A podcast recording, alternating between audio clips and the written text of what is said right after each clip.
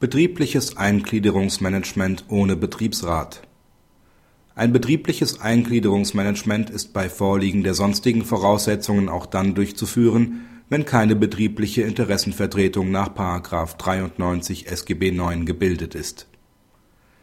Der Arbeitnehmer ist als Vorarbeiter im Rohrleitungsbau beschäftigt.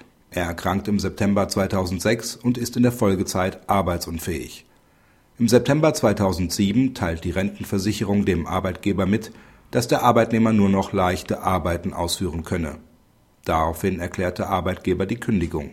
Ein Betriebsrat besteht im Unternehmen nicht.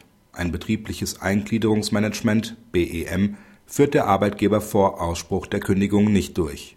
Der Arbeitnehmer erhebt Kündigungsschutzklage mit der Behauptung, er habe auch mit anderen Arbeiten bei dem Arbeitgeber beschäftigt werden können das BAG hält eine weitere Sachaufklärung für erforderlich. Dies gilt insbesondere hinsichtlich der Frage, ob ein hypothetisch durchgeführtes BEM zur Vermeidung der Kündigung geführt hätte.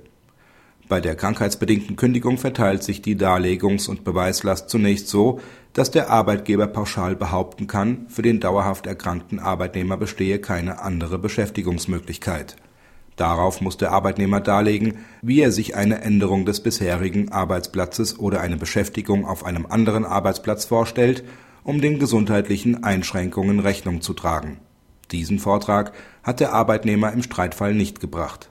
Das führt allerdings im konkreten Fall nicht zur Unwirksamkeit der Kündigung, da der Arbeitgeber vor Ausspruch der Kündigung kein BEM durchgeführt hat. Die Durchführung eines BEM war nicht deshalb entbehrlich, weil keine betriebliche Interessenvertretung im Sinne von § 93 SGB IX besteht.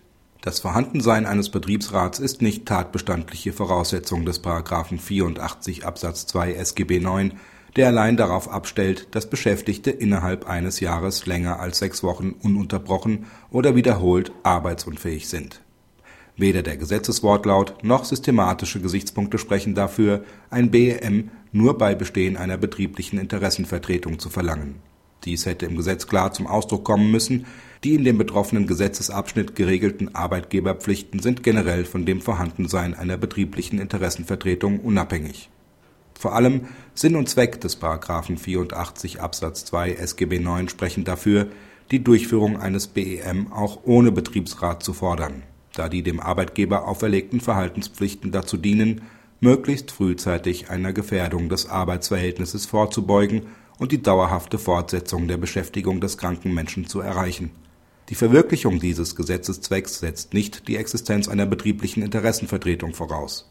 Somit kommt es darauf an, welches potenzielle Ergebnis die Durchführung eines BEM im Streitfall erbracht hätte.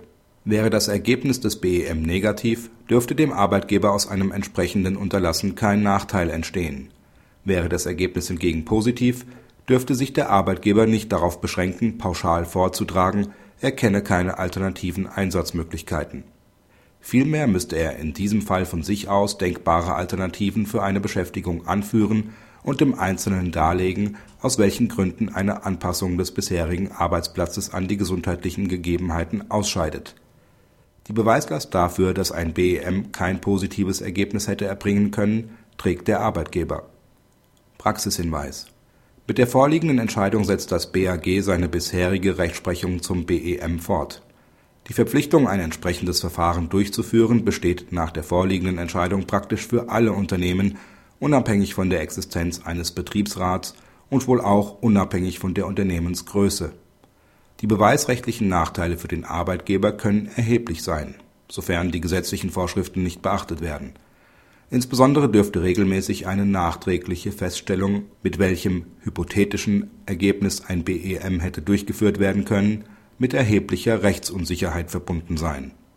Da das BAG an den Durchführungsprozess keine besonderen Anforderungen stellt, ist jedes Unternehmen gut beraten, bei Langzeiterkrankungen vor Ausspruch der Kündigung zumindest ein ernsthaftes Gespräch mit dem betroffenen Arbeitnehmer zu suchen